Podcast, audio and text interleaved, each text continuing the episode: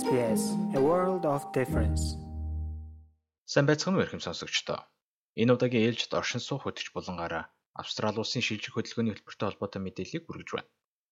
Австрали улсын шилжих хөдөлгөөний хэлбэрийн хүрээнд жил бүр тодорхой тооны хүмүүст байнгын оршин суух виз олгодог юм.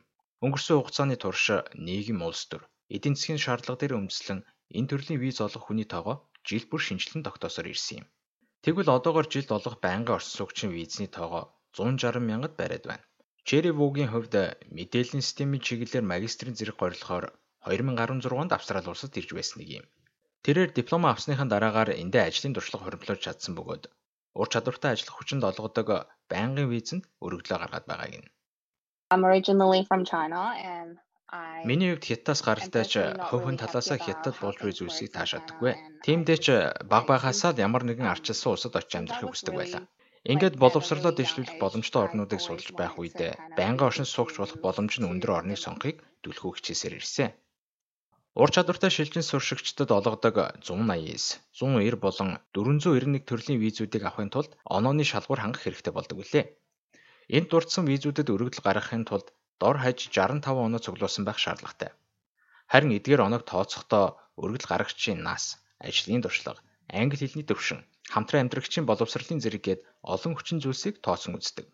Тэгвэл 189 болон 190 төрлийн визнүүдийн хувьд байнгын виз гэдэг утгаараа маш их өрсөлдөөнтэй байдаг гэдгийг Peak Migration-ы шилжин суурьших хөдөлгөөн хариуцсан зууч Алек Петрако хэлж байлаа. For 189 visas in normal times. Урилга авсан хүмүүсийн хувьд хамгийн өндөр оноо авсан хүмүүс байдаг тул 189 визийг авахд багадаа 65 оноо цуглуулсан байх шаардлагатай болдог. Нэгтлэн бодох бүртгэл, мэдээллийн технологи, инженер зэрэг хамгийн түгээмэл мэрэгжлүүдийн тухайд хувь тэнцвүүлсэн зохицуултаар явдаг болохоор урилга авахын тулд бүрчих өндөр оноо цуглуулах хэрэгтэй гэсэн үг. Өргөдөл гаргаж буй хүмүүс нь 189 болон 102 төрлийн виз хүсгэд хангалттай оноо цуглуулахын тулд англи хэлний төвшин тогтоох шалгалт болон хэлний ур чадвар шалгах NATI тест зэргийг өгөх замаар өөр өөр төрлийн ур чадвараа батлан харуулах хэрэгтэй болдог. Тухайлбал дээр дурдсан NATI тестээр унган англи хэлтэй хүн болон төрлөх бус англи хэлтэй хүмүүсийн харилцан яриаг сонсгож ямар төвшөнд ойлгож байгааг нь тогтоох жишээтэй. Зөвхөн урилгаар өргөл гарах боломжтой эдгээр ур чадвар суурилсан байнгын визийг хүсч буй иргэд нь сонирхлоо захим хэлбэрээр урьдчилан дотоод хэргийн яамд илэрхийлэх ёстой байдаг юм. Виз хүсэгчдийн хувьд оноо нь өндөр байх тусмаа визэнд өргөл гаргах урилга авах боломж нэмэгдэг болохыг Ascent Migration төвийн захирал хуульч Дэси Ристова хэлж байв. What is really interesting about the um, Онооны шалгууртай хөтөлбөрүүдийн хамгийн сонирхолтой нэг зүйл нь сонирхлоо илэрхийлэх замаар өргөл гаргадаг явдал юм. Өргөл гаргагчид нь заавал ур чадрын үнэлгээ илгээж, англи хэлний шалгалт өгч, наати зэрэг хэлний ур чадвараа тогтоолох зэрэг олон янзын итгэмжил цуглуулсны эцэст л сонирхлоо илэрхийлэх боломж бүрддэг юм. Тэгвэл 2020 оны 3 дугаар сараас хойш үргэлжлэж буй коронавирусын цар тахалтай холбогдуулж Австралийн засгийн газраас шилжин суурьших иргэдэд зориулсан тэргүүлэх зэргийн мэрэгжлүүдэд тодорхойлсон. Эдгээр нь Австрали улс цар тахлыг даван гаргахад нэн чухал мэрэгжлүүд гэж тооцогдож байгаа. Үүнд ангаах ухаан, инженерчлэл, совилгын ухаантай уялдсан мэрэгжлүүд л багтж байгаа юм.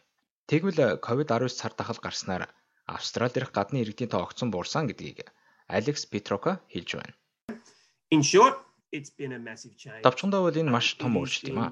Шилжих хөдөлгөөн хариуцсан зуушаар ажиллаж ирсэн өнгөрсөн бүх хугацаанд тохиож буй хамгийн том өөрчлөлтийг үнийг л гэж хэлэх байна. Мэдээж хэрэг олон улсын аяллыг хорсноор жил бүр сая сая жуулчдад виз олгодог байсан зогссон ойлгомжтой.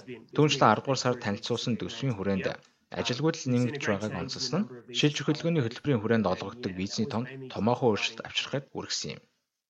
Харин тэгвэл муж нутаг дэвсгэрүүдийн хувьд 102 төрлийн байнгын виз эсвэл бүс нутгийн хөгжлийг дэмжих зорилготой 491 төрлийн виз хүссэн өргөдөл гаргагчдад тавьдаг шалгуурууд нь харилцан адилгүй байдаг юм.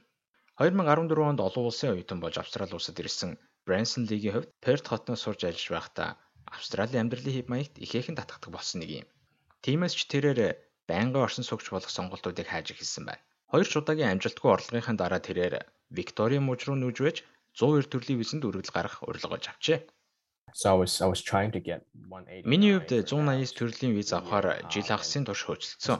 Энэ хугацаанд бодлогын зохицуултууд ч их өөрчлөгдсөн. Харамсалтай нь би 189 төрлийн визэнд өргөдөл гарах урилга авч чадаагүй. Ингээд энэ талаараа найзуудтайгаа ярилцж гисэн. Зарим найзууд маань Викторийн мужийн захиргаанаас 102 төрлийн виз авах сонголтыг хийсэн байсан. Би ч тэдний адил өргөдлөө гаргаад виза авч чадсан. Өргөдөл гаргагчийн хувьд мужийн захиргаанаас тавьж буй шаардлага заавал тэнцэж байж урилга авдаг бөгөөд энэ нь ч нийт оноонд нь нэмэр болдгоо гэдгийг дээсий хэлж байлаа. The federal government has given limited Санхүүгийн жил бүр холбооны засгийн газраас мууч нутаг дэвсгэр бүрт тодорхой хязгаартай квот олгодог. Харин эдгээр квотыг хэрхэн дүрэх вэ гэдгийг тухайн мууч өөрсдөө мэдэн сонгон шалгаруулдаг. Одоогийн байдлаар дийлэх мууч нутаг дэвсгэрүүд коронавирусын цар тахлын улмаас гадаадаас өргөдөл хүлээн авах зогсоогод байна. Тэгвэл эдгээрээс гадна Австралийн байнгын оршин суугч болох зам нь ажил олгогчоосоо тэтгэлэг авах замаар 186 төрлийн визтэй болох явдал гин. Энэ төрлийн визийг авахын тулд тухайн өргөдөл гаргагчийг заавал ажил олгогч нь урьсан байх шаардлагатай. Ингэхдээ дор хаяж 3 жил ажилласан байх. Англи хэлний сайн мэдлэгтэй байх гихчлэн олон шалгуурууд байдаг бөгөөд эдгээрээс хамгийн чухал нь тухайн мэрэгжил нь ур чадвартай ажиллах хүчний мэрэгжлийн жагсаалтад багтсан байх хэрэгтэй гэдгийг Алекс Петрако хэлж байлаа.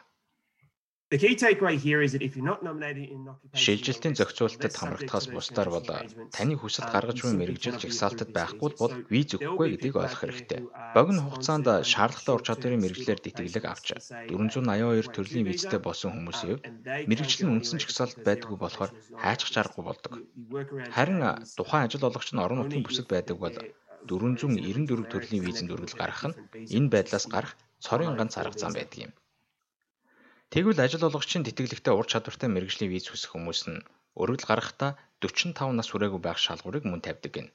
Харин энэ жилийн шилжих хөдөлгөөний хөтөлбөрийн хүрээнд хамтран амьдрагчийн виз олгох квотыг бараг 2 дахин нэмэгдүүлснээс гадна бизнесийн ур чадвар болон Global Talent төлбөрөөр олгох визний тоог нэмэгдүүлсэн байна.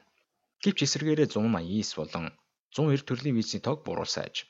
Харин тэгвэл 500 болон 485 зэрэг төр хугацааны бүх төрлийн визний хувьд жил бүрийн шилжих хөдөлгөөний хөлбөрт хамаардаггүй юм. It is not a secret that the uh, immigration Шилжих хөдөлгөөний хөтөлбөр нь их улс төрийн шин чанартай гэдэг нь ус биш юм а.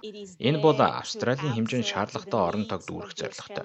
Хөтөлбөрийг батлахдаа улс орны аль бүсэд ямар хэмжээний шаардлага байгаа болон төсвийн нөхцөл байдал өргөдөл гаргагчдын тоо зэрэгээс хамаарч огцом өөрчлөгдөж ирсэн байдаг.